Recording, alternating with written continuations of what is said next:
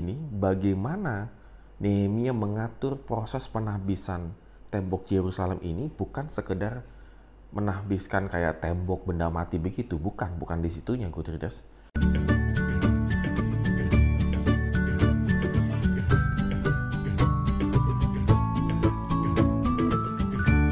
Morning good readers, hari ini kita mengucapkan syukur karena Tuhan memberikan kita kehidupan untuk melanjutkan segala aktivitas kita.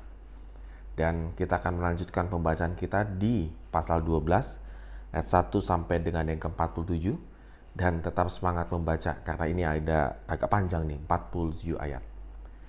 Ya, good readers, kita mungkin beberapa kali menghadiri kayak seperti ibadah ucapan syukur karena memasuki rumah baru atau memiliki bisnis baru dan seterusnya. Ketika kita menghadiri ibadah ucapan syukur yang demikian, tentunya ini adalah sebuah sukacita karena uh, sang pemilik tempat, misalnya rumah ataupun tempat usaha baru, mengucapkan syukur karena Tuhan selalu menyertai kehidupan mereka. Dan pada hari ini juga kita bisa melihat bagaimana Nehemia dan Esra berperan penting dalam penhabisan tembok Yerusalem bersama para imam dan kaum Lewi. Dan orang-orang Lewi yang telah kembali dari Zerubabel ayat 1 sampai dengan yang ke-9. Mereka punya peranan penting untuk menhabiskan tembok Yerusalem.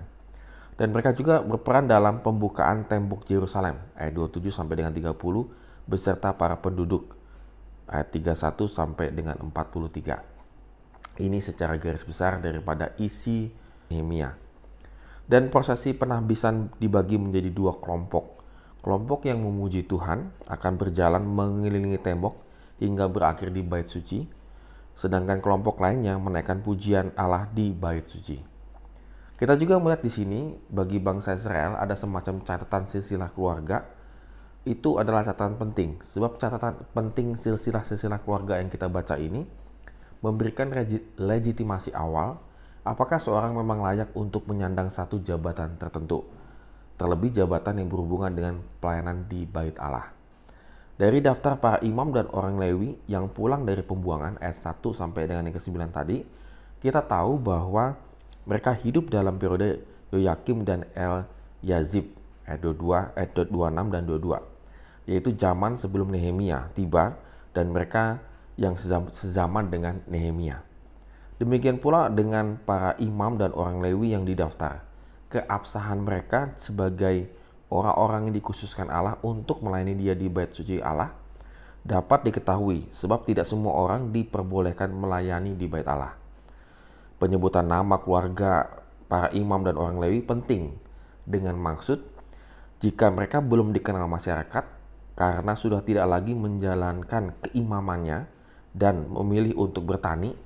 Jadi kadang-kadang mereka memang memilih untuk bisa bertani begitu ya mereka dapat dikenal dari keluarganya. Pendaftaran para imam dan orang Lewi ini penting bagi Nehemia untuk mengetahui jumlah pemimpin rohani yang ada sehingga Nehemia dapat mengkoordinasikan dengan baik agar dapat uh, terpenuhilah kebutuhan pelayanan di Bait Allah. Catatan ini diakhiri dengan pengaturan pendanaan di ayat 45 sampai dengan 47. Pendanaan ini baik itu yang memberikan perpuluhan ataupun yang memberikan sukarela dan persembahan wajib. Hal ini penting juga ya karena tetap suka tidak suka bagaimana bait Allah itu bisa running pasti ada pendanaannya. Ya, good readers, kita bisa melihat di sini bagaimana Nehemia mengatur proses penahbisan tembok Yerusalem ini bukan sekedar menahbiskan kayak tembok benda mati begitu, bukan, bukan di situnya good readers tetapi dia mengatur sedemikian rupa supaya bait Allah itu running. Bait Allah itu bukan sekedar bangunan di dalam tembok, habis itu selesai. Tidak. Tetapi bagi Nehemia bagaimana bait Allah ini running? Kenapa? Karena supaya mengingatkan kembali bangsa Yahudi bahwa Tuhan itulah yang membangun tembok itu. Bahwa Tuhan ini tuh hadir nyata dalam kehidupan mereka bukan sekedar tembok begitu ya, bukan sekedar benda mati, bukan sekedar bangunan yang megah indah, bukan. Tetapi bagi Nehemia yang paling penting itu adalah benar-benar kehadiran Tuhan dalam kehidupan bangsa Yahudi. Good readers saya rasa juga sama dengan kehidupan kita ya. Kadang-kadang kita sukanya itu benda-benda matinya gitu ya. Sukanya itu kita misalnya hadir ke gereja itu adalah badan kita.